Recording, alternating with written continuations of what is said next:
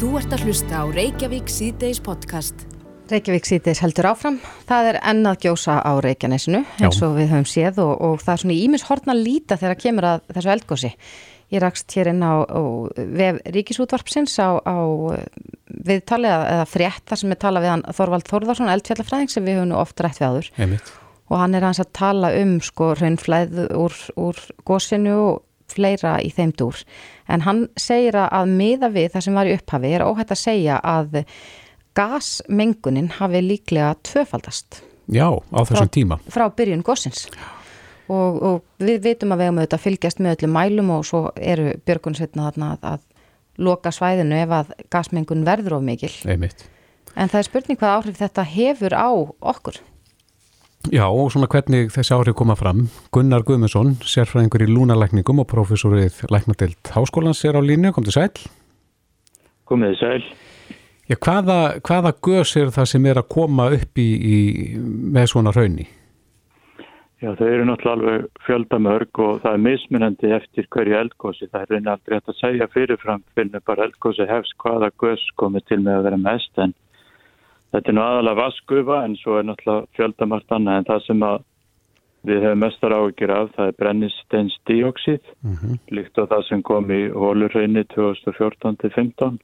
Hvaða áhrif hefur það á á, Já, sko, á lungu, það- hvernig lýsir, lýsir það sér? Hérna, þetta hefur langmest áhrif bara á efri öndunafærin og slímhóðurnar okkar í nefi og munni og hálsi og augunum þannig að það er aðalega sviði. Mm og svo getur komið hósti en það er, ef þetta er alveg geysilega háum styrk að þá er hægt á að, að einkennum frá neðri öndunafæranum. Mm Þannig að þessi gös eru sem sagt svona ertandi en svo eru líka til kæfandi gös eins og kol, kolmónoxíð og koltvísýringur að þá kemur hann í staðin fyrir, í sú, staðin fyrir súrefni þannig að hann hefur áhrif á súrefnisflutning í, í frumónum og, og getur valdið súrefniskorti. Þannig að við erum reyna að tala um annars vegar ertandi lofttegundir og hins vegar kæfandi lofttegundir.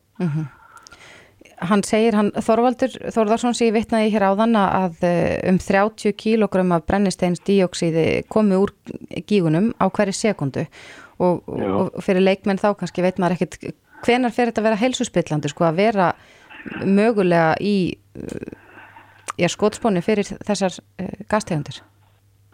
Já, það, þetta fer talsveit mikið eftir styrk og svo hvort að maður sé með undirleikjandi lungnasjúkdóma, þá erum við engum að tala um asma og langvinna lungnateppu. Við höfum ráðlagt fólki með þessu sjúkdóma að vera ekki að fara þarna, að þetta er svo ódreiknalegt hversu mikið kemur. -hmm. En fyrir heilbriða þá við getum skoðað það sem að var í hólurreini að þar var náttúrulega miklu takmarkaður aðgangur en þar voru vísindamenn og þeir voru náttúrulega með gasgrímur en þeir voru rannsakaði mjög ítalega og þeir hefðu hérna, orðið fyrir svona að þeir fundi fyrir í slímhúðanum ertingu en þetta hafði ekki neinn sérstök áhrif á þeirra lungna helsu. Nei, hafði þið áhrif Já, þó að þeir væru með grímur? Já, ég veit ekki hvort þeir voru alltaf með grímur en þeir lísti allavega einkennum. Já, það er, er aðal hættan af þessu. En það sem er náttúrulega mjög ánægilegt að það er verið að tala um að einhver 10.000 30.000 hafi heimsótt núna góðstöðarnar og við hefum ekki síðan eina sem hafa vext neitt alvarlega. Það Nei. hafa verið svona óljósa lýsing af einkennum sem geta þess að verið bara að þreita og, og að því að, að, að ganga þetta þannig að við hefum ekki neinar greinilega vísbendingar um að fólk sé að verða fyrir neittni alvarlegri gaseitrin nei. En þú segir að þetta séu tvær tegundir og önnur er, er kæfandi. Eh, hver eru einkenni? Líður maður bara út af strax eða, eða Já, er það- eitthvað það geta verið svona það fyrir eftir í hversu mikil þau eru en þau geta verið bara höfuverkur og ógleði og, og síðan ef það er mjög mikil að þá getur fólk mist meðutund fljótlega en þetta er nú fyrst og fremst að þetta sapnast í kjallar á húsum og, og þau eru enginn hérna svona nálagt og svo getur þetta verið onni gjótum og, og lagðum í náttúrunni en þess vegna er verið að ráleggja fólki að vera bara ofarlega þar sem að þetta getur ekki gerst Forðast gjót, gjótur eða svona og, og, og, og, og lagðir. lautir? Já.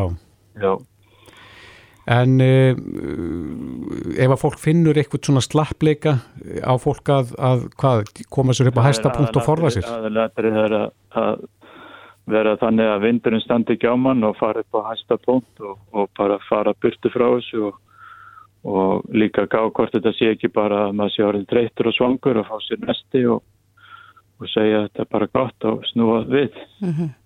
En, en eru einhver svona langvarandi áhrif af ef maður verður fyrir svona gasmengun? Maður hugsa nú til þeirra sveitarfélag þar sem að mengun hefur verið hvað mest sem að liggja næst góðstöðunum. Eh, það er mjög lítið, það er lítið til að rannsóknum og slíku en það er ekki til neinar sem benda til þess að það sé eitthvað langtíma áhrif en það er bara ekki vel tækt en við veitum að þetta hefur áhrif að þá sem hafa undirleikjandi lungnasjúkdóma. Mm -hmm, akkurat. Er þú búin að kýtja sjálfur upp á góðstöðunar? Já, já, ég fór á degi þrjú. Já, já. Hefur ekkit farið aftur til þess að, að sjá nýju gígana? Nei, ég hef ekki haft tíma til þess. Nei. Það kemur vonandi því. Það þarf að gefa sér tími það. Einmitt. En skoðaður svæðið hérna svona út frá þinni sérþekkingu svona með þessa Já. gastegundir í huga? Já, það hefur náttúrulega breyst bara á þarna byrjun var fólk að fara þarna onni í dalina mm -hmm. sem er ekki hægt lengur ef fólk heldur sig frá þeim og heldur sig hlið megin við vind og, og, og er upp á hæ, hæstul hæðum að þá er þetta ekki á þetta ekki verið hættulegt. Nei, þetta sleppa þá til. Sérstaklega í stuttan tíma. Já, Gunnar Guðmundsson, sérfræðingur í lúnalækningum og prófessor við Læknadeild Háskóla Íslands. Kæra þakki fyrir þetta. Takk sem leðis. Þú ert að hlusta á Reykjavík C-Days podcast. Reykjavík C-Days á bylginu heldur áfram. Það er hægt að tala um ímislegt tengt COVID. Tengt COVID. Mm -hmm og ég rakst að frétt hér á vísi.is í dag að nú fá breytar að heimsækja krár að nýju. Já. Það er, ég held að þeir séu bara að ná hjarðónami, sko ég held ég bara í þessari viku ef það er ekki búið að ná því nú þegar. Og þannig að þess að tilslægani tengist á fývandalega. Já, ég held að þau hafi, sko að Boris Jónsson hafi kynnt áætlun bara með tilslökunum, sko í tengslum við þá bólusetningarnar. Mm -hmm bara um leið og, og einhverjum takmarkum er náð að þá hefjast tilslaganir og nú má fólk sko sitja úti á veitingastöðum, ekki inni. Mm -hmm. og uh, fólk verður að fá sér að borða reyndast til þess að mega fá sér drikk þannig að það eru ákveðin takmark á þessu. Já, en e, okkar helsti sérfræðingur svona fyrir utan læknan okkar í þessu máli með Björn Ingi á Viljanum Rapsson, sæl Komið sæl Já, þú vantilega hefur tekið eftir þessum fréttum frá Breitlandi, þeir eru að ná ákveðnum svona, er ákveðnum vegamótum? Já, heldur betur og lang frá því þeirra tilfelli og Breitlandir fóru auðvitað eh, eitthvað ítlátur eh, fyrstu bylgjunni og, og hérna lendi í miklu vandræði með sitt tilbyrðiskerfi og, og mistu allt á marga, segist að það var gert mistök varandi uh, elli heimili og hjókrunar heimili og, og hérna og já, bara klúðruðu ímsu þar, fluttu til dæmis síkta sjúklinga af sjúkarhúsum á elliheimili sem síðan smittuðu vistmennina þar mm -hmm. og ímislegt sem að eh, fór þar úrskeiðis sem að þeir hafa lært af og það verður að gefa þeim kredit fyrir það að þeir ákváðu að lenda ekki í þessu aftur og eh, eru búin að gera gríðarlega mikið áttak í bólusetningum langt umfram aðrar Evrópuþjóðir. Og uh, þessi tímamót sem í rauninni formlega þeirra mati nást í dag að þessu svo kallega hjarðóna með náð gerir það verkum að nú geta þeir farið að, að létta af ímsum takmarkunum innanlands. Og það eru þetta það sem við þekkjum hér á Íslandi. Þegar að farsótt geysar í öllum heiminum að þá, þá er allavega betra að geta átt sæmilega eðlilegt líf innanlands eh, þrátt fyrir að við þurfum að, að bresta ferðalögum millir landa um, um þessa myndir. Mm -hmm. Þetta er auðvitað eins og þú segir eitthvað sem maður þráir að geta átt eðlilegt líf innanlands en, en fólk virðist hér á landi vera svolítið klófið, þetta skiptist í, í fylkingar. Já og ég var að mynda að skrifa um þetta pistil í, í morgun á viljan að, að hérna þar sem ég segja sé gjámiðli þings og þjóðar og kannski jafnvel einhverja fjölmiðla líka, það er að segja og í þessari, þessum bysli er, er vittnað í rannsóknir sem Ólafur Þótt Harðarsson, stjórnmálufrófessor var að benda á hjá félagsfísundastofnun sem mælir stuðning landsmanna við sótvarnar aðgerinnar á hverjum einasta degi. Mm -hmm. og það er í kringum 90% stuðningur hjá almenningi eh, en það er ekki að heyra í umræðinni eh, annarkost eru þessi 10% mjög hávær eða þeir sem eru óanaðir eru mjög háværir hópur. Eh, þráttur að hans er fámennur.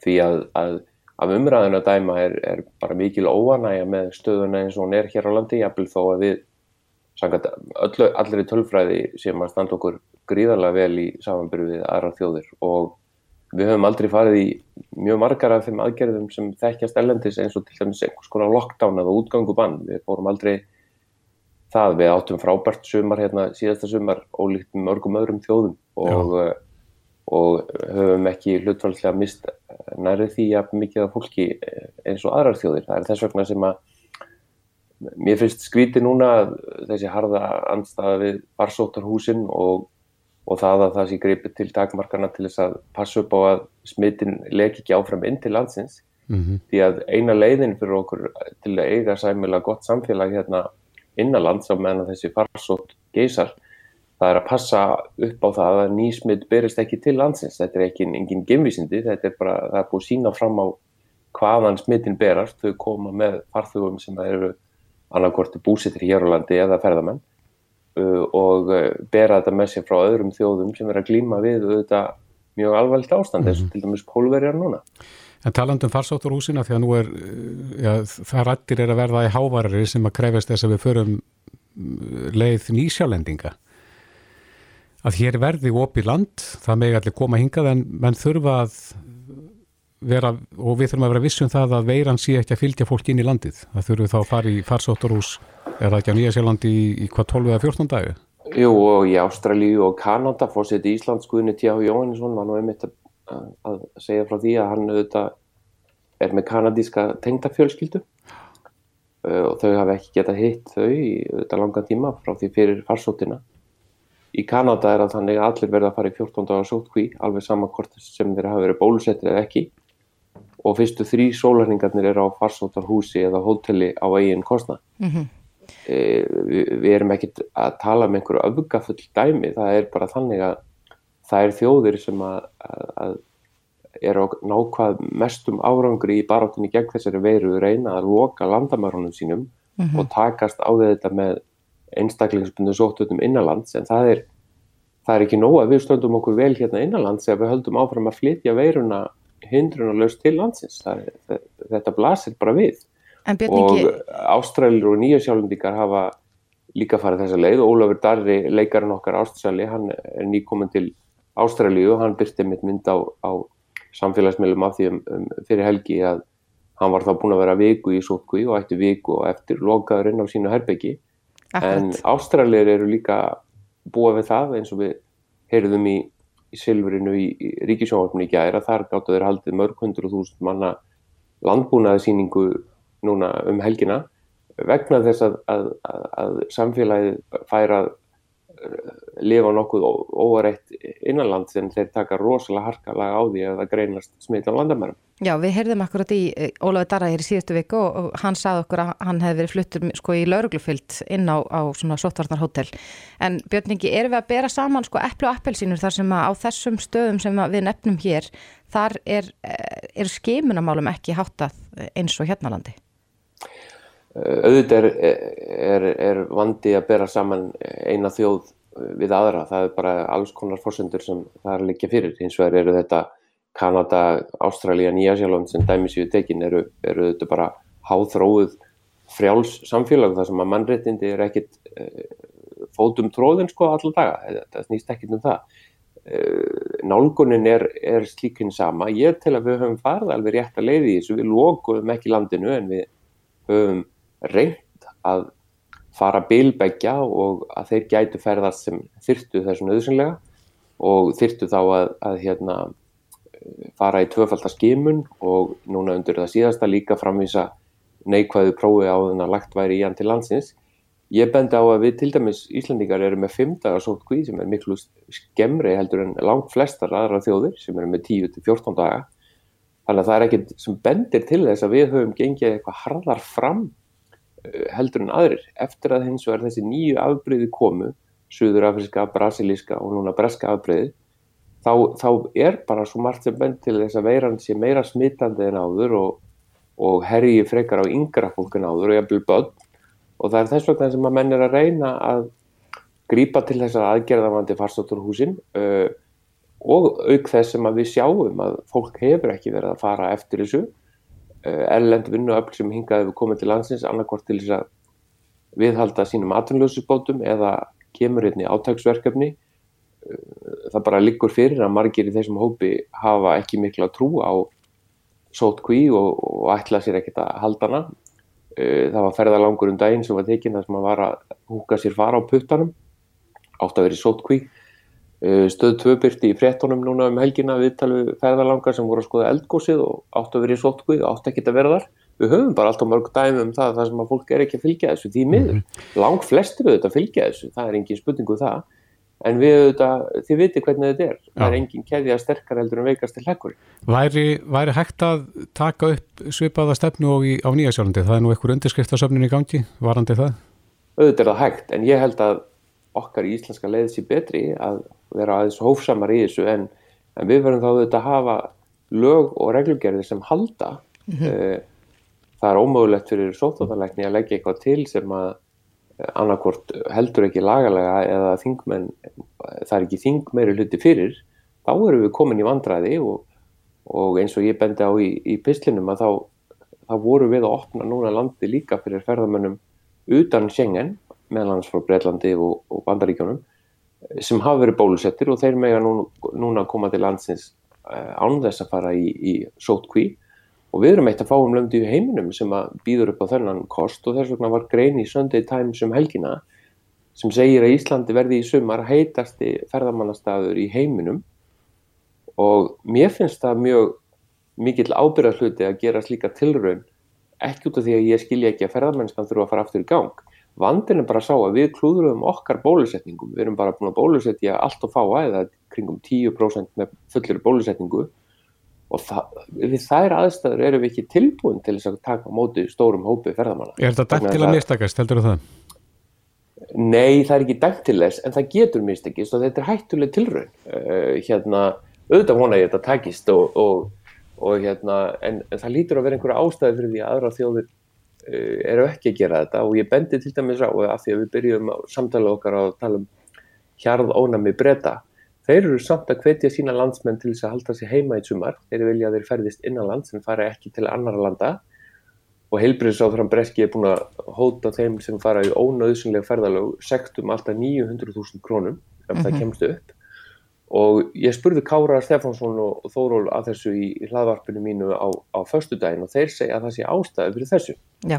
Það er svo margir í Breitlandi búin að fá bara fyrir skamt eða það leiðir langur tíma á milli og þess vegna eru menn, vísindamenn, sérfræðingar svo hrættur um að ný afbreyði veirunar muni einmitt myndast í Breitlandi og þess vegna eru þeir líka hrættir við önnur afbreyði veirunar eh, að að þetta séu skilir því góð fyrir veiruna til þess að taka stökkbreytingum og, og læra inn á þessi bólöfnu sem gefin hafa verið. Já. Það er svo margt sem bendir því miður til. Það er hundleðilegt að segja þetta. Akkurat. En það er svo margt bendir, sem bendir til þess að veira er ekkert alveg á förum og við þurfum jafnvel að bólusetja fyrir henni árlega hérna í frá. Akkurat. En Björningi, í, í þessu hlaðvarpu sem þú myndist á, þínu hlaðvarpu núna fyrir helgina, þá sagði sóttvarnarleiknina að hann hafi áhyggjur af vaksandi óróleika í samfélaginu vegna sóttvarnaraðgerða og við heyrðum að því fréttum í dag að hann er að fara að skila tillögum til heilbyrðisar þeirra í dag hvernig metur þú stöðuna ef að, að þórólfur slakar ekki eins mikið og fólk er að búast við heldur þá að það verði enn meiri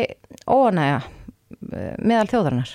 Já, ég held það uh, og það er auðvitað bara mikil press á að, að, að leifa líkamsættastar sem er leifa sund Uh, íþróttaæfingar og svo framvegs og ég hef fullan skilning á því og ég held reyndar að hann muni kynna einhverja tilslaganir í, í þeim efnum mm -hmm. á meðan að smitin er ekki fleiri heldur en ömburu vitni. Hvað heldur að gangi langt í því?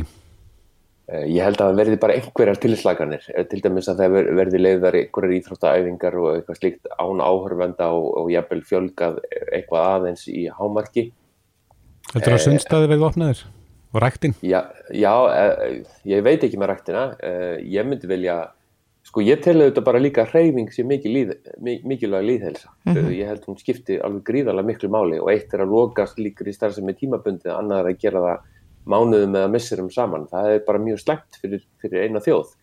Þannig að, að ég held að hann sé að reyna að finna leiðir til þess að gera það með ábyrgum hætti. Ég held að líkamsrættastöðunar flestar hafi líka tekið þetta mjög alvarlega og sundstæðinir og, og, og átti sig á mikilvægi þess að passa upp á þetta til þess að geta fengið að hafa opið. Mm -hmm. en auðvitað höfum við öll síðan til dæmis alla þennan fjölda sem hefur farið þarna í einni einum hóp að skoða gósið á sama tíma og það má ekki fara á skýði eða stunda íþróttir og, og mörgum finnst það ekki, ekki rýma bara við hilbriða skinnsimi þannig að þetta er alltaf þetta er alltaf álita mál. Þar sem ég finnst að bara bendi á á meðan að landamennin leka og við höfum ekki tækifæri til þess að passa på það með fullnægindi hætti að þá fáum við ekki uh, nægilegt svigrum fyrir þær aðtæknir og, og samkomur og annað sem okkur langar að halda hérna innanlands. Ef við pössum landamærin þá getum við farið á þjóðhaldið, þá getum við haldið íþróttamót og átt gott sumar. Ef að landamærin leka og við flytjum smitin hérna kerfismundið inn til landsins, þó enginn gerir það viljandi, þá bara gerist það nú samt að þá eh, verða allir óanæðir og við þurfum að takmarka allt innanlands og Íslandingar treysta sér ekki til þess að ferðast innanlands af ótaf eða smittast af öðrum og svo framvegist. Hund leðileg staða. Er þú þeirra skoðanabjötningi að við um að grýpa fastar í taumara á landamærunum og, og já, hafa þann laga grundvöld sem til þarf svo að hægt sé að reyka hér sóttvarnar hótel? Já já, ég held að við um að fylgja uh, þeim tilmælum sem Þórhólur hefur lagt til og tryggja honum nöðsynlega lagaheimildir til þess. Með þeim hætti þá getum við stundaði líkamsrækt og sund og ferðarlag hérna innanlands og farið á menningarsamkomur og tónleika og svo framvegs ef við förum ekki eftir þessu þá fáum við nýja bylgu og þá erum við öll lokuð af heima hjá okkur og ég held að enginn viljið það. Verðum að setja punktin hérna Björn Ingi Rapsson uh, hjá Viljanum. Kæra þakki fyrir þetta. Takk fyrir og gaman að heyri ykkur. Sömulegis Hlustaðu hvena sem er á Reykjavík C-Days podcast. Jæja, Reykjavík C-Days, það er nú mikið rætt um svona framtíð góssvæðisins, það sem að menn halda því nú fram að það geti góss í næstu árin, jafnvel ára tíuna, ef því er að stifta það nóga efni að nóga ný. Já, ég held að ég fari með rétt málun Viðir Reynursson yfir lauruglithjóttun Almannavarna sagði að þetta getur nokkið gengið til lengdara að, að björgunsveitinar myndu sjá um svæðið. Nei, og þá er talað um að landverðir, það er hugsanlega við þessu hlutverki þar að að leiðbeina fólki og hafa vitvirðið kannski mm -hmm. á mhm. einhvern tíma. En á línunni er Nína Aradóttir, hún er formaður landvarafélagsins. Kom til sæl? Já, komið sæl. En hvernig leggst það í ykkur landverði að, að taka við þessu hlutverki? Jú, ég held að við á landvarafélagin allan við bara fögnum þessu að, að, að, að já, verði kallaði til landverði til þess að vera á svæðinu og sinna þessum störfum. Mm -hmm. uh, bæði af því að þetta er búin mjög mikið álæg eins og þið sögðuð á eh, björgunarsveitunum og að erum viðbarsalum á svæðinu og það sem að landir eru með þekkingu sem getur kláðlega nýtt til þess að vinna á þessu svæði. Hva, hvaða þekking er það? Uh, það sem að landir eru kannski bara að gera er að landir er starfa í þjóðgurum og fyrirlistum svæðum sem, og svæðum sem flokkar sem náttúrvætti og fólkvangar og auka annar staða sem þörfir á landvislu sem gæti til að mynda þá verið við elgósið mm -hmm. og í raun og það sem við gerum er að bara gæta þess að ákvæðin svo náttúrvændalagana og regligerða á svæðum séu virkt og síðan í raun og það sem að starfa okkar kannski fælst aðalega í er að bara koma fram fyrir upplýsingum og fræða gæsti um náttúru og sögursvæðina og sjá síðan um svona dagleg umstjón og viðhaldi á innviðum. Akkurat. En þurftu eitthvað að breytast á svæðinu til þess að þið myndu taka til starfa þar? Þú segir sko að þið starfið þjóðgörum og friðlöndum? Já, en eins og ég tók fram sko, í fyrsta leika skil koma fram að landvarafélag er hagsmunafélag eh, landvara, en landverði starfa, flesti landverði hjá, á Íslandi starfa sem annarkoti umhverjastofnun eða þjóðgörðunum sem á þingurlum með vatniðugustjókari. Mm -hmm en það getur í sérstökum tilvægum sem þá geta landverði starfað utan þessari svæða ef eitthvað sérstaklega er undir Já. en það er þá eitthvað í annaðum mann höndum en okkar að ákveða það. Hver eru valdheimil til landvarða og svona, hafið þið boðvaldi við fólki til dæmis? E, sko við störfum eftir reglugjör landvarða og í raun og eftir náttúruverndar lögunum þannig að við syns að þetta í raun og veru höfum heimildir til þess að í raun og veru bara stöða fólk ef að nöðsilegt reynir til að koma í veg fyrir brot á ákvæðum náttúruvendalögunum mm -hmm. en í raun og veru stöðum samt alltaf, eða stöðum við undir e, ákvæðum laga og stjórnvaldsfyrirmæla mm -hmm. sem er þá í raun og veru bara lögureglan. Þannig í raun og veru það sem við gerum nú yfirleitt að við er eitthvað sem, sem þarf þá er við raun og veru bara alltaf starfa sem þetta undir lauruglunni sem Já. myndi að gefa okkur fyrirmæli. En nú hefur maður til dæmis séð í fréttum af góðsvæðinu kjánaskap, alveg ótrúlega kjánaskap þar sem að ykkur er að hlaupa upp á raunið og hérna Já. setja sér í stór hættu. Myndur landverðir hafa eitthvað með slíkt að segja? Í rauninu sem við myndum bara alltaf að gera í svoleiðis atvikum er bara að beina fólkinu af því að e, hvað það er að gera rámt og veita það bara sem sagt í rauninu veru ábendingar en e, í rauninu veru er þetta bara eins og með hvað sem Björgvinsson reyður að gera þarna við í rauninu veru getum ekki kannski beint stöða fólk en ef fólk er náttúrulega að leggja sig einhver ákveðna hættu þá e, eða eru já, virkilega ekki að virða tilmæli þá er náttúrulega vöndu alltaf bara að kalla til lögreglu Akkurat. En Er, við myndum heldur sem kannski ekki sjálfheldur leggja okkur í hættu ef fólk er komið á þannig stað. Þannig að þá Nei. er bara fólk á sín eigin ábyrgd líka. er spenna innan félagsins fyrir þessu mögulega verkefni? Uh, já, ég held bara að það sé alveg klárlega vegna þess að nú er í raun og veru bara meira frambóð af landvöru með sem fólki með réttindi til landvara réttindi á Íslandi heldur en störfin er í sumar. Þannig að ég er alveg vissum að það sé, sé fólk sem er ánægt með þetta. Hvað þyrst þið marga til þess að sinna landvöðslu þarna? Sko, það er mjög flókin spurning. Uh, núna er starfandi sem einn landur á Reykjanesinu en hún er raun og veru starfasand sem áður það er Reykjanes fólkfangurinn hún er ekkert inn á þessu sæði en við vitum alveg að það væri til dæmis alls ekki nóg. Nei. Uh, með allan fjöldan og hversu marga landur til dæmis bara við berum saman við skaftafell uh, það sem eru frekar margir og ekki með tölun og reynu hversu margir landur er starfað þar alveg sumatíman en það er alveg yfir allan að, já, tíu, ef ekki fleiri þá er þetta alveg nó, tó nokkuð fjöldi ef við ættum að finna öllu þessu sem þetta að gera. Akkurat. En Nína, þú segir að séu sko fleiri landverðir, eða sérst fleiri, fleira fólk sem er með réttindi til landvörslu heldur en störfin sem er í bóði. Hversu margir eru með leifi til landvörslu? Nú bara er ég niður ekki með töl á því. Uh, þetta er þó nokkuð fjöldi. Þú getur fengið landaréttindin á nokkrum stöðum sem sagt, á fjórum, með fjórum leiðum í raun og veru. En í félaginu hjá okkur er yfir 200 manns. En það er það ekki tæmandi listi við alla sem eru með réttindin á landinu, sko. Nei. En þeir eru spennt fyrir, fyrir þessu verkefni? Já, okkur finnst þetta allavega bara mjög spennandi og bara þetta myndi hjálpa rosalega mikið til líka bara við stýring og svæðinu og það er náttúrulega gífurlega fjöldi sem er að koma aðna og þá skiptir bara svo miklu máli að hafa stýring og innviðin síðu lægi, til dæmis bara klósettmál síðu lægi á svæðinu og, og göngustígar og stíkur og svoleiðis, þetta er náttúrulega bara þau mál sem að landverði sinna á öðrum svæðum líka. Já, þa þannig að landverðir eru þá í uppbyggingu á svona innviðum á þessum stöðum? Já, allan við sjáum oft annarkort um kannski bara uh, sjáum við með öðrum aðilum eða viðhaldi á þeim Mm uh, og kannski mitt að þá er það líka bara stopnaðnar raunverð sem sjáum hvað þess innviði verða lagðir og svoleiðis. -hmm. Þannig Erstu að- búin að fara upp á gossvæðinu? Heyrðu já, ég er búin að fara bæði sjálf með, ekki á einu við, menn búin að fara með jarðvísindastofnun og sem í Björgunarsveit. Já. Ef þú horfir á þetta út frá augum landvarðarins, hva, hvað myndi breytast þarna á svæðinu ef að landverði tækju við? Og þegar? Já, þá væri kannski bara aðalega samt sko innviðin, en nú er samt, nú þegar búið að gera fyrst mér mjög mikið eins og með bara að leggja, eða stíka sér göngulegir. Eh, en þá er þetta kannski bara aðalega bara að halda þeirri vinnu áfram en bara í kannski sem að landverðinu verða að gera það. En þá þarf við bara svolítið samt að kannski tíminn það líka svolítið að sjá til hvað er þið gert. Líka eins og við erum búin að sjá hvað er þessar nýju, nýju gígar opnast á sprungunum eða sprungunni. Þannig að það er kannski svolítið erfitt að segja nákvæmlega til um hvað verður gert það þurfti nú bara held ég að, kortleika þetta Já, og hvað er mitt er þá örugt að setja inn við þið, einmitt. gætu það haldist. Ef það ættir að stjóta það hversu marga landverði þarf að vakta þarna svona á venlugum degi?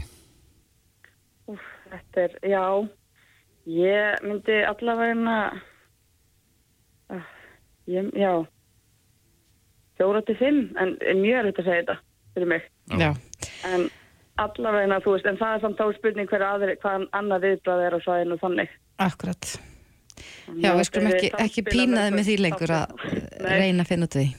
Ég held umhverfstofnum fyrir bara að sjá um það. Já, Nína Aradóttir, formaður landvarafélagsins. Kæra þakki fyrir þetta. Já, takk sem leiðis. Reykjavík síðdeis á bylgjunni. Við heyrðum í fólki hérna sem að ringdi inn í símatíma á þannig að það eru svona vangaveltur upp um það. Hvað gerist með það sem að fengi fyrir í bólusetningu af AstraZeneca bólefninu en uh, fá ekki setni skamtinn. Þetta eru konur undir 55 ára aldrei ef ég stíla þetta rétt. akkurat og mér skildir þetta allavega á fréttum svona í síðustu viku að það væri ekki enn búið að taka ákvörðun um þetta hvernig þetta er útvært hvort þessar konur myndu þá bara byrja upp á nýtt á bólusetningu með öðru lifi eða, mm -hmm. eða hvað Hvað segir Þórólu Guðnarsson, sótarnalegnir, sæl? Já, selvurði Er búið að taka ákvörðun um það, hvað gerist? Ég er ekki alveg endanlega, þannig að hann er ekki alveg komin tímin á það sko, það þarf að gefa sitt í skamtin, hann er gefið þreymur mánuðum eftir fyrri. Mm -hmm. Hvað er langt í það? Aðeins, já, það er aldrei breytilegt náttúrulega, en við erum í samfloti með hínu Norðurlandunum, þar sem við erum að skoða málinn og, og, og, og við vitum að það eru rannsóknir í gangi til að, að skoða þetta, hvort að sé hægt að gefa Eh, annað bólefni í skant nr. 2 hjá yngra fólki mm -hmm. eh, þeir sem að þeir eru eldri og, og, og við telum ekki verið neittni áhættu eh, með aukaverkanir að þeir fá bara sinn eh, skant 2 eins og, eins og gengur en, en það eru eh, fólk, yngra fólk, yngra en 65-60 sem, sem við að horfa á og frakkar og þjóðverðir hafa ákveð að gefa setninskantin af hínu bólöfnu, þar að segja þessi RNA bólöfni sem þar að segja frá Pfizer eða Moderna til dæmis. Er eitthvað að vita hvernig þetta vinnur saman? Nei, það er ekki vita nákvæmlega og það er ekki komin að neina niðurstöðu sem svara því en, en eh, við vitum út frá öðrum bólusetningum og bólöfnum að, að, að það hefur virkað ágætlega að, að blanda saman mismunandi bólöfnum og gefa eh, setninskantin með öðru annari tegundi en það er ekki alveg vita með þessa þessa tegund, þannig að við erum svona aðeins að, að hingra og, og sjá hvort við getum fengið betri vittneski um það. Mm -hmm. Það eru svona frettir dagsins að, að þú uh, er sért að leggja loka hönd á minnisblad til helbriðsráð þeirra og þú saðir í viðtal við vísi að þú sæði nú fyrir þeir einhverja tilslagan, er ekki hægt að fá, fá upp, upp og ofan að því hvað mun gerast? Ja, þetta er alltaf jafn spennandi þegar minnisblöð fara að koma og já, já og það er sem eins og jólinn sé að koma og menn sé að býða. Jú, þetta, ég, við hefum sagt að, ég hef sagt að, að þegar, við, þegar þessar aðgerri voru settar á, þar voru settar mjög fljótt á þegar svona, við vorum, var útlitt fyrir það að við getum verið að missa svona, þessar litlu hópsíkingar sem voru í gangi kannski yfir í hugsanlega byrjandi bylgu mm -hmm. að við myndum bregðast mjög skjótt við og, og, og, og með hörðum aðgerðum sem virkuði mjög vel í þriðibylginu að fá mynd myndi það standa stittra yfir heldur en, heldur en var þá og ég held að mér sínist að við getum svona staðið aðeins við það núna. Já, e, áttu von á tilslökunum þá fljótlega? Er það í þínu minnisblæði? Já, það er bara núna, við erum að það er ný reglugjör sem að kemur til framkvæmda núna á förstæðin eða 16. Mm. Hvað, hvað leggur þú til? Það er bara svona ímislegt, ég hef nú ekki lagt í vana minn að vera að tala neitt um það því að það er náttúrulega ráðherra sem ákvæður þetta endalega hvernig reglugjörni verður og, og ég held að sé ekkit eh, svona eh, enginn þarf að vera netta ræðu það fyrir en bara ráðherra hefur byrst þetta og ákveðu hvað, hvað, hvað hún vil gera. En telur þið færi á að, að fjölga núna? Nú er tíu manna eh, samkomið takmarkun. Mætti stækka þá tölu? Ég, ég held að við getum, höfum aðeins rúm, ég menna menn hafa staðið sér bara mjög vel Við erum að greina einstakar smitt en þetta hefur klárlega dottið niður þessar hópsíkingar sem við höfum verið að sjá og það er bara út af hvað fólk hefur staðið sér vel og farið eftir þessum reglum sem er í gangi og þannig að ég tel alveg að það sé rúndis að fara hægt í sakirnar og, og það verður náttúrulega eins og bara áður að sumi finnst allt orðrætt farið í þetta, öðrum finnst mm -hmm. allt hægt farið í þetta. Hvað með sunnstaði og, og ræktina? Ég veit að það er margir sem býða spenntir eftir, eftir fréttum af því kemur bara í ljós, Kristófur.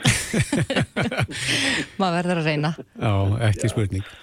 Nei. En Þorlu, kannski rétt aðeins í lokin, eh, þú sagður í viðtali við Björn Inga á Viljanum fyrir helgi að, að þú eh, hafir áhyggjur af vaksandi óróleika í samfélaginu vegna sótvartanaðgerða.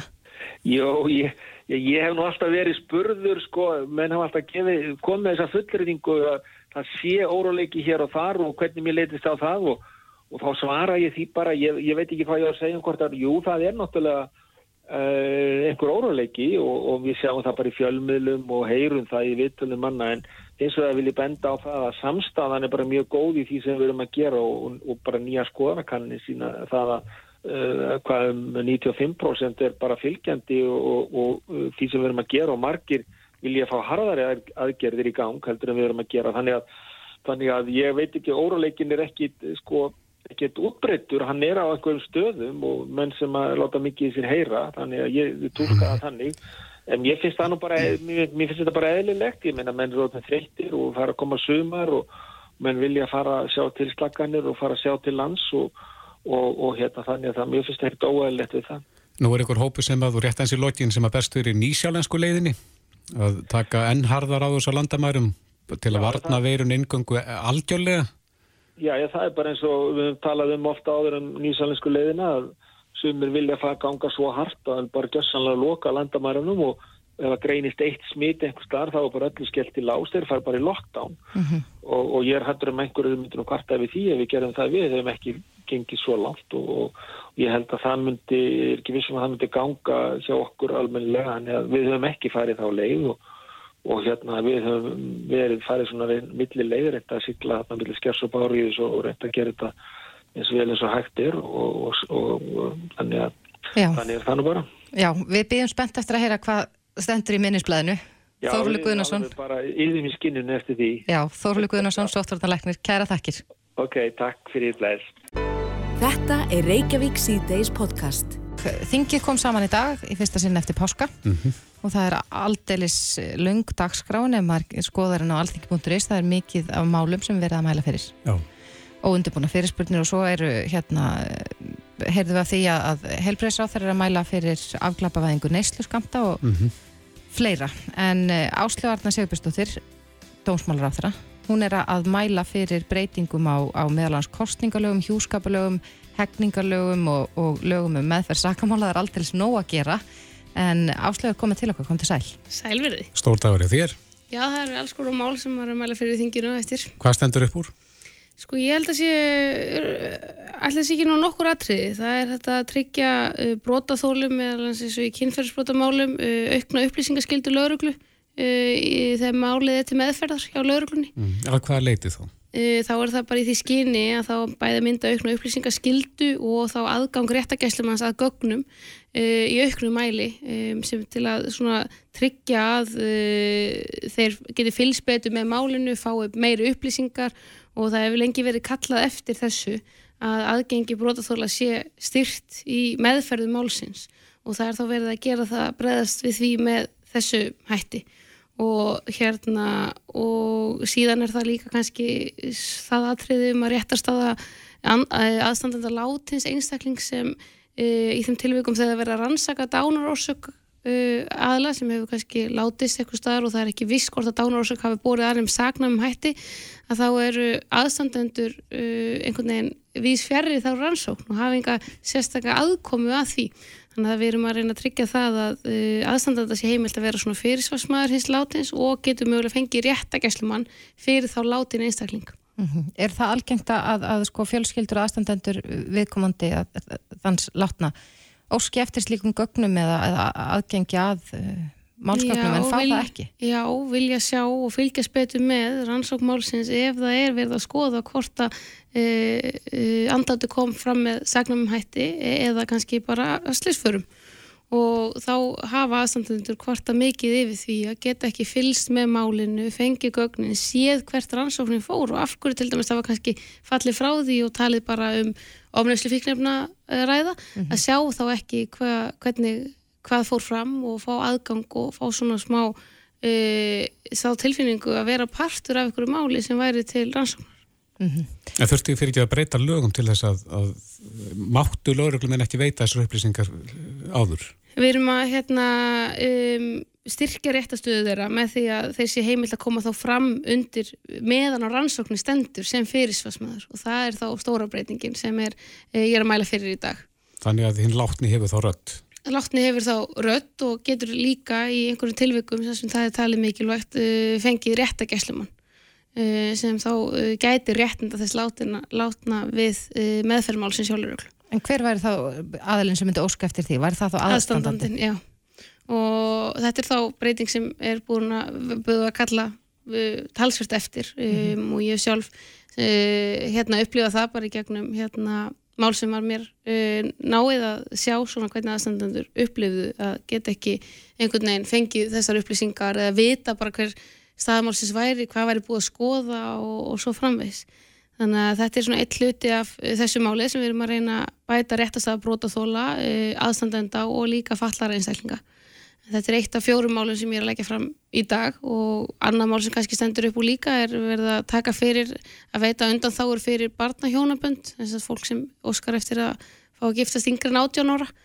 Eh, það hafa svo sem örf á mál verið fallist á undan þáur eh, þegar þessu veru óska hjá einstaklingu sem eru rétt undir 18 ára eh, en nú verða að taka alfari fyrir það.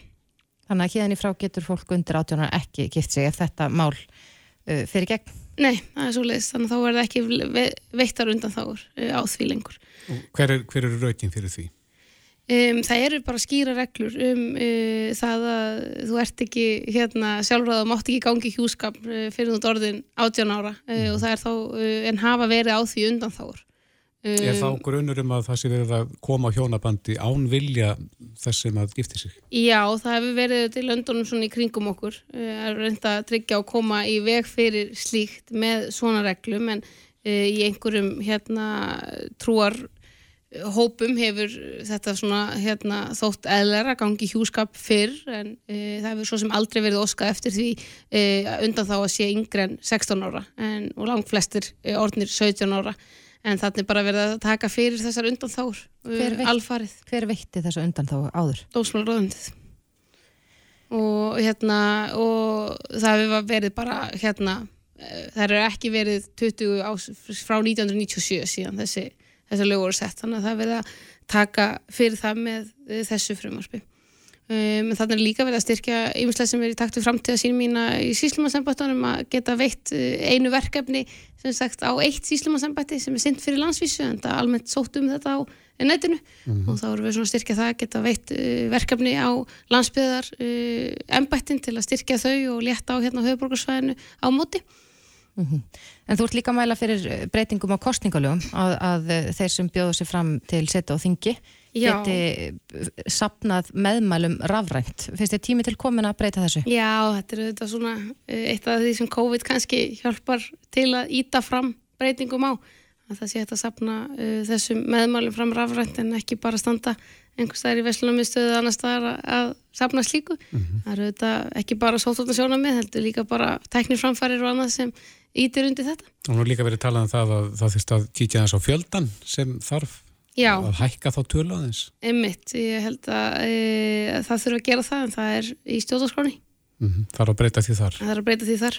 Um, en þannig líka verið að breyta svona og passaði í þessum kostningu sem fara fram í haust að ef einhverjir skeið kynni að einhverjir séu sótt kvíða einangrun mm -hmm. e, í haust þegar um, kostningarnar eru að það verið hægt að framkama það eins og uh, við svona rettuðu með uh, örstutum fyrirvara í fórsetakostningunum síðastliðið sumar mm -hmm. en svo er ég með eitt fyrirvarfi viðbót sem er svona ymsa breytingar sem hefur verið að vinna lengi á almennum hegningalögum þar sem er verið að uh, til dæmis um, íta undir og, og hækka refsiraman fyrir batnanís ákvæði mm -hmm. þau eru þá hækkuð úr tveimur árum í sex en líka verið að uh, ítrekka uh, svona uh, ítrekkunar áhrifvarandi kynþáttafórdóma, passa það að uh, einstaklega með föllun verði ekki refsiverta, það verði skýrleikert refsiverta ef þeim er neitað um þjónustu á grundvelli fölluna sinur mhm. -huh. og svona ímisatrið sem hafa komið, uh, komið aðtöðsendu við á síðustu árum og líka það að ef sagt, það ber að taka til greina sagt, ef brot má reykja til þess að Uh, atriði varða að brota þóla svona persónulega og brot sé þannig að meiði kannski hatursklæpa að þá þarf það að taka til greina að þingja refsingu eða framið í nærveru bars sem er til dæmis yngre en 15 ára. Mm -hmm. Þetta er bara svona ímsar breytingar sem hafa verið unnar að refsréttarandi í einhver tíma. Þorbjörg Sigriður Gunnarsdóttir þinguna við restna skrifaði greina á, á vísi.is fyrir helgi þar sem að hún talar um að hún uh, lagði fram mjög álíka breytingu á, á hegningulegum varandi barnanísefni þar sem hún talar um að, að eh, refsirami verið hækkaður um tveimur árum í sex og, og spyririnn verið þessari grein hvort að það sé ekki, eða sko sama hvaðan gott kemur að þetta séu álíka breytingar en að, en að hennar breytinga til að hafi leið á þinginu svo mánuðum skiptir. Já, svo sem örfá á mánuði og breytingin þessi var nú tilbúin í ráðnundinu mínu á sama tíma Um, þegar ég sá að hennar kom fram um, þá voru þó fleiri breytingar sem þurfti að vinna í, í þessu máli. Um, þannig að ég ákvaði að klára það þá það kemur fram. Ekki bara íta því fram að því að samskonamál var komið fram.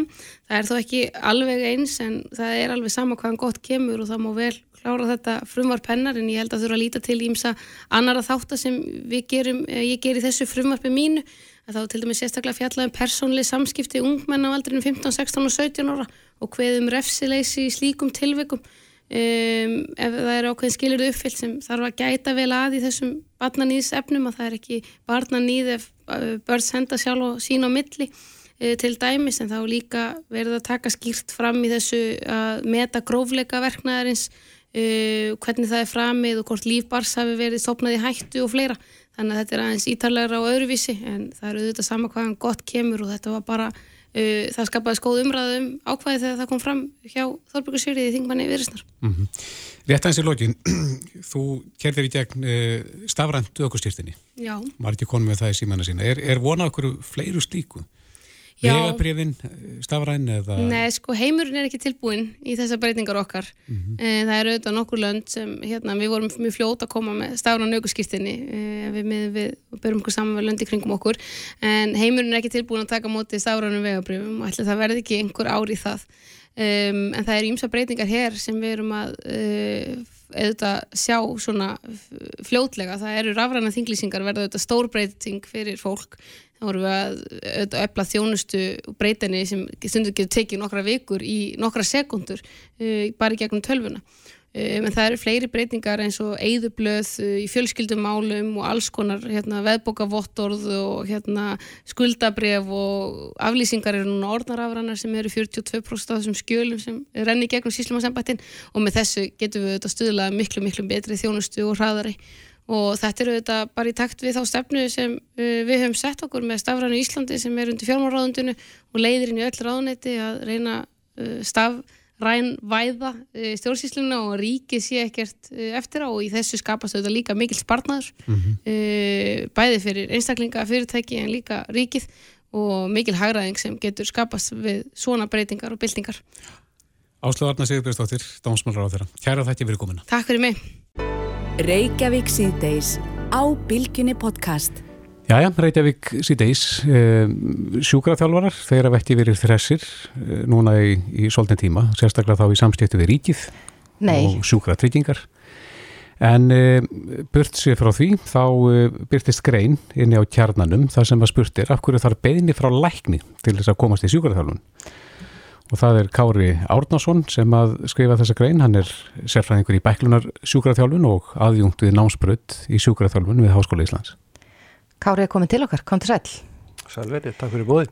Í þessari grein ertu svolítið að fara yfir þetta að sko, þú segir að aðgengi að í raun og veru meðferð hjá sjúkraþjálfun, þetta byggir ekki á hagkvæmni og þægendum.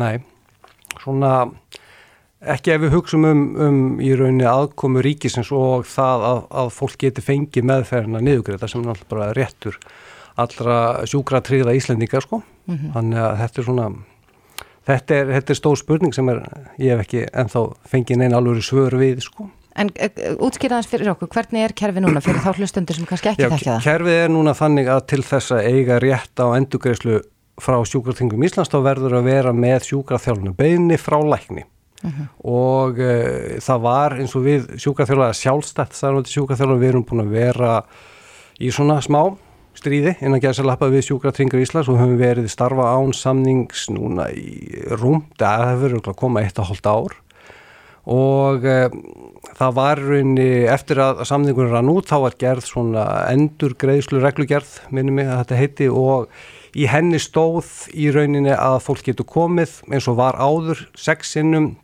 til sjúkraþjálfara án þess að vera með beini frá lækni og það er það sem við höfum kallað bráðum með fyrir. En svo í nógumbyrju fyrra var þessu ákvæði kift út bara allt í einu. Þannig að fólk þarf núna alltaf að vera með beini frá lækni. Var það leikur í skákinu svona til þess að Já, ykkur eða? Menn vilja meina það mm -hmm. út af því að við höfum ekki fengið neyn fagleg rauk fyrir þessar ákvörðun og bæðirunni félagssjúkraþjálfara félag eh, heimilisleikna og helsugjastlana höfbruksvæðinu mótmæltu þessu en, en það hafði ekkert að segja sko. Þannig að núna þarf alltaf, fólk, að, fólk þarf alltaf núna að stoppa fyrst við á helsugjastlunni, fá beðinni og koma síðan í sjúkarþjálfun sem er allan eins og ég lítið á það fyrir þá sem vita hvernig leikunni spilaðir er þetta afskaplega skrítið sko. Og í rauninni hálf, hálf tilgangslöst sko. En hvernig væri ætti fyrirkomulagið að vera að þínumandi, að, að á fólk bara geta nálgast hann sjúkaraþjálfara sem það velur sér já, og fari bent í meðferð? Já, það í rauninni sko að, í mínum fullunum heimi ættu þess að beinir ekki, alls ekki að vera forsenda þess að SI eða sjúkvæmstíkur Íslands niðugreiði meðferðina. Það er fínar eins og ég kom inn á í, í pislunum með maður þarf ákveðna upplýsingar til dæmis eins og í mínu starfi ég vinn talsveit mikið eftir alls konar bæklunum aðgerið og þá er mjög gott og nöðsynlegt að hafa ákveðinu upplýsingar frá þeim lækni sem gerði aðgerðina, hvað var gert, hvað kom fyrir, hvern, ef við hugsaum til dæmis um, um aukslina, hvernig leið, leita axla leiðurinn út að innan og svo framvegi sko.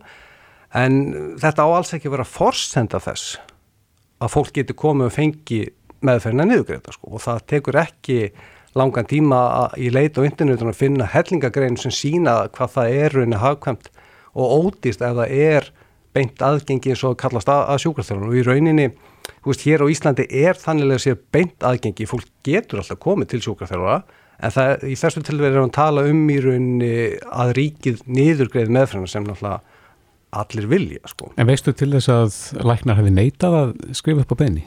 Já, það hefur komið nokkur svona fyrir að, að konar mínir hafa sagt að þeir hafi í rauninni hálfpartin þurft að söða út beini fyrir sjúkraþjálfunum frá, frá lækninu sínum og sem maður rauninni, já ég hef aldrei skilið alveg allar í þeim tilfellum sem ég hef lendið sem eru svona þá er þetta einmitt akkurat kuna sem hafa haft gagn af, af minni fræðslu eða meðferða því sem við vorum að gera sko. Mm -hmm. Þannig að þetta er svona, já, og bara, já, maður skilur þetta ekki alveg. En, en ætla ástæðan sé þá svo að, að viðkomandi læknir bara hafi ekki trúið að sjúkarþjálfun geti hjálpað eða hvað? Stórt er spurt, nú bara þú veist, maður bara veit ekki en það er sko maður hugsa um, ég var aðeins leitt hugan aðeins út af því að sjúkrafþjálfun sem fræðigrein ef við förum 25-30 ára aftur í tíman sko, hún náttúrulega hefur þróast gríðarlega. Mm -hmm. og læknar eru læknar, þeir læra læknisfræð, þeir læra ekki sjúkrafþjálfun, þannig að skiljanlega eru heldur, þeir heldur ekki að fylgjast mjög vel með því hvernig sjúkrafþjálfun sem fræðigrein þróast Þannig að það er kannski í rauninni einn partur af, af ástæðinu þeir vita í rauninni ekki almeinlega hvað nútíma sjúkrafþjálfum snýst um og hvað við gerum en það kemur það hann stundum í ljós í þessum dálki og beðni sem stendur fyrirmæli um meðferð til þjálfur ef, ef við maður rétt og stundum eru þar bara hluti sem að bara hálpartin hlæðir yfir og bara, já, ítir þessu bara frá sér sko. Mm -hmm. En það er að þannig, ég man ekki eftir tilfelli á þessum tæpu tíu árum sem ég er starf og það sem í rauninni greining eða tilmæli læknis um hvað ég er að gera hafi einhver tíman haft einhver áhrif á það sem ég hef gert sko. Þannig að þetta er svona, já þetta er eins og segja, þetta er skrítið. Já, en þú, þið viljið breytingu? Já, þú veist, já þetta er allan að miða við hana, umræðin og viðbröðum sem þessi pistil fekk inn á svona Facebook-grúpu sjúkaþjólar á Íslandi þá voru ansi margir sammála mm -hmm. og eh, en ég veit ekki hvort fólk sé bara veist, það einhvern veginn hefur ekki trú á því að þetta muni breytast út af áherslunum eru á öðrum aðrum en þegar maður er sérstaklega eins og núna í þessu COVID ástandi þegar rauninni, fólk þarf að fara á helsugjastuna í þeim eina tilgangi að fá eitt A4-blad mm -hmm. í rauninni þegar bæði tíma læknisins getur verið að það hægt að nota hann í miklu, miklu brýtni hluti. En eru stjórnvöld að gera ykkar starf erfiðar? Við heyrðum líka því um daginn þessi nýja reglugerðum að, að sko, sjálfstætt starfandi sjúkarþjálfar þurft að starfi tvö ár uh, til þess að geta komist já, inn í kerfið já, já. og svo uh, þetta. Ég, veit, Leikur í skákinni? Já, aftur, maður veit ekki alveg sko hvaða leik stjórnvöld eru nákvæmlega að spila sko. Uh, og bæ, já eins og þetta með ákvæðu þú þurfur að hafa tveggjára starfsenslu að vinna í minnstakosti 80% starfi sko eins og núna eins og nú er ég að kenna líka upp í háskóla og það eru 26 eða 7 nefnundur frá útskrifast í vor. Og það er alltaf verið að tala um að það eigi að ebla og ofinbæra kerfið og, og ráða í rauninni sjúkraþjálfur einu á landsbytlan ég fóri yfir þetta með einum útskriftarnema og ég held að við höfum talið 7-8 lausastöður á landsbytlanum mm -hmm. og 15 stöður á öllu landinu á stofnunum og þau eru 26. Ekkur held að þetta væri svona liður í því að reyna að sjúa þetta fólk inn í ofinbæri kerfið? Já, um, það hefur gerðan verið talað um það sko en þarna aftur eins og nefndunum sem er að klárast núna, þetta er að klára 5 ára mastersnám, ég byrjaði minn starfsferðil á landsbytunum, frábær vinnustafur, frábær staður til þess að stíga sem fyrstu skref en fullt af fólki sem hefur engan áhuga á þeirri tegund sjúkraþjálfuna sem á sér staði inn á landsbytarnas. Það er allt önnur í rauninni típa af sjúkraþjálfun heldur, heldur en þessi sem á sér staði á engastofunum mm -hmm. og það má alveg færa rauk fyrir því að ef þú vinnur á spítalum í x ár þú veist ekkert betur undurbúin til þess að fara á engastofu heldur en eftir fimm ára nám. Í rauninni kannski, kannski verð út að þú veist hefur tapað ákveðnum eiginleikum sem starfi sem sjúkraþjálfur sem nýtast þér á engastofun, nýtast þér ekki á spítala sko. Þannig að aftur, þetta er bara svo í rauninni hlutunum er slengt fram en þeir með ekki ekkert sens eins og maður segir á góður íslensku. Vantar rökin. Já, það vantar rökin og mann finnst alltaf skrítið þegar ríkið er að gera svona hluti og það vantar að því virðist allar faglega rástæður. Já, Kári Arnánsson eh, sérfræðingur í bæklunar sjúkaraþjálun og aðjungt við námsbröð í sjúkaraþjálun við Háskóla Íslands. Takk fyrir komina. Takk fyrir. Á Bilginni podcast. Reykjavík síðdeis heldur áfram. Eh, ég var stödd í, í Kópavægjum daginn á veitingahúsi og ég rak upp stóru augu þegar ég sá svona hopp rafskútu þar fyrir utan. Já. Ég held einhvern veginn að þetta væri svona meira bundi við miðbæin og svona nærum hverfi. Mm -hmm. En, en var eitthvað það bara komin úr miðbænum og Já, ég held nefnilega að sko, ef þú er komin út fyrir svæðið sem þú mátt vera á þá bara drefur ná sér. Já.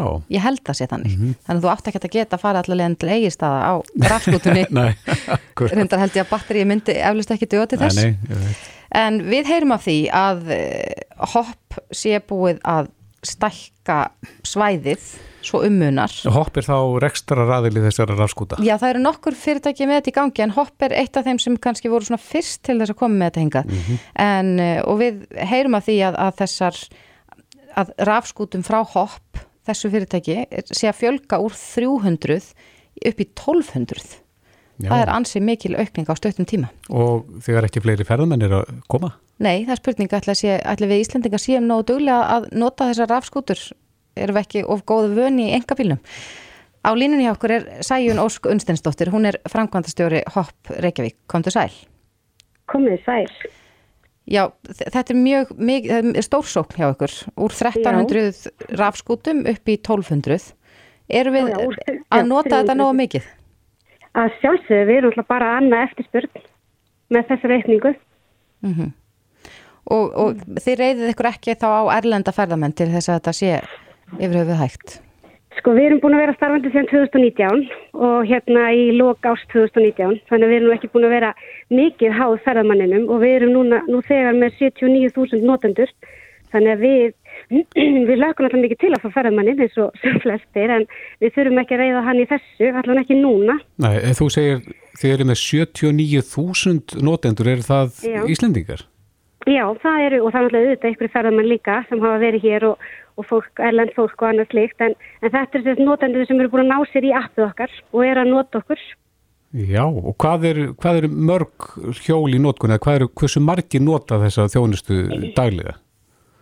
Sko við erum núna komin með yfir þúsund ferðir bara síðast við kikti klukkan hálf fjögur þannig að það eru þúsund manns búin að hoppa í dag hvort það var kannski einhver tíman sami einstaklingu sem fór fram og tilbaka en frá því að við byrjuðum þá erum við búin að hoppa eina miljón kílometra mm -hmm. Já Það er 25 ferðir kringum hnöttin ef við setjum það í eitthvað skemmtilegt myndmál.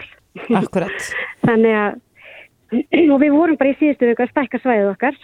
Við vorum að opna sérst í Kópó í Garðabæ og Hafnafyrði og erum þar að, þú veist, annað þessari miklu eftirspurt sem við erum búin að fá því við erum náttúrulega með svo flottan hugbúnað, al íslenskan hugbúnað, þannig að við getum rakið og séð nákvæmlega hvar er svona völdun eftir okkur, hvar er verið að opna appi, hvar er fólk að leitast eftir okkur að reyna að finna hjól til að komast leiða sinna. Mm -hmm. Því að við teljum okkur vera stórst skref inn í samgönguflórunna þess að fólk hafi já, já. Eh, þessa, þessa valmöguleika um fjölbreyttari ferðamóta. Akkurat, við heyrðum að því fyrir ekkert svo lengur síðan að eins og til dæmis í Danmörku að uh, svona rafskútur verði ekki lefðar á einhverju ákveðinu svæði í miðborginni hafið ágjör að þetta muni gerast hér út af því að maður hefur nú séð að svona ekki bara frá ykkur heldur frá þeim aðlum sem eru með svona rafskútur að, að þessi hjól liggja nú eh, hér og hvar um borgina akkurat. Eins og ráfiði, við höfum hérta, já, auðvita. Við höfum kannski ekki, við vinnum náttúrulega bara mjög náið með Reykjavíkuborg, þar sem við gefum þeim skýslur mánaðarlega, nákvæmlega um það hversu marga ferði við erum búin að fara og þannig að Reykjavíkuborg heldur mjög mikið og vel utanum okkur uh, að við séum ekki komin með of mikið af hjólum og annað slikt. Þannig að ég treysti bara mjög gott samstafið Reykjavíkborg en þetta stefna þeirra að auka þess að umhverjusvæni ferðamóta. Þannig ég hef nú ekki mikla ágjur sko, eins og staðinu núna. Ég hef það, ágjur að því að notendunur okkar fari ekki að vera duglegri að leggja hjólunum rétt sko. hvernig á að ganga frá hjólunum, ef við bara byrjum að því? Já, byrjum á því. Við, hérna, það er bara rosalega mikilvægt að leggja hjólinu þannig að það sé ekki fyrir gangandi eða, eða hjólandi eða öðrum vegfærundum. Það sé ekki verið að setja það á miðja gangstætti, það er að setja það upp úr húsvegg. Og það er mjög gild regla að passa að sé alltaf svona 1,5 metr cirka, þannig að fólk geti lappa framhjá, eða hjóla framhjá, eða hvernig sem það er. En hvernig hefur svona veturinn verið? Maður hefur nú séð þessi, þessi rafskútur uh, líka bara í miklum snjó. Og höfum við verið du- duglega að hoppa á svona í erfiðustu vetramánuðin? Já, alveg ótrúlega. Við náttúrulega settum líka nagladekk undir okkar hjól. Mm Þannig að okkar rafskútur höfðu allar nagladekk, nema nýju rafskúturnar, þar höfðu það ekki, og, en verða mjög sannlega með það á næsta ári. Þannig að nagladekkin spiluðu stórt hlutverk í öryggi í snjónum. Eru þið með stafsmenn sem að flakka á milli og ná í skúturnar eða þarf ekki að hlaða þetta annars lagið? Jú, það er alltaf að við erum bara í rauninni með uh, vaktir, bara allan daginn, alla, alla daga vikunar, þar sem að, þar sem að, þess að þeir fara bara að hjólunum, við- starfsmennur okkar, og í rauninni skipta um batteri. Það er þannig sem þetta snýst um. Já. En uh, hvað með landsbyðina? Stefnið á að, að vera með þetta á fleiri stöðum en höfuborgarsvæðinu? Já, að sjálfsögðu. við hugsaum stórt. Það er að opna núna í Vestmannum og Akureyri, bara núna næstu, vonandi fyrir sumandaginn fyrsta á báðum stöðum og svo eru eh, bara við fáum svo mörg e-mail á dag, það eru bara flest sveitafélög sem vilja fá okkur til sín, þannig að það, er, það verður mikið um, um þetta tilkynninga framundan upp á ný svæði sem við erum að fara að opna. En hvað má fara langt á þessu? Hvað má fara langt? Já, Hvað meinar þetta að meina út eh, eins og við vorum að tala í þetta, við meðum ekki skreppi í hveragerði. Já. Nei, það má náttúrulega ekki nota rafskutunum okkar á, á vegum. Nei, Þannig að það væri gangstjætt til hverjargerðis, þá væri þau alveg. Og þú kæmist alveg út fyrir sem sagt, svæðið sem að er einhvern verið hægt að fá skúturnar á? Ég, þú kemst út fyrir svæðið en hún, hún stoppar því skútan og þú þarfst að borga sekt eða þú ferði út fyrir svæðið. já, og, og hvar liggja þessi mörg?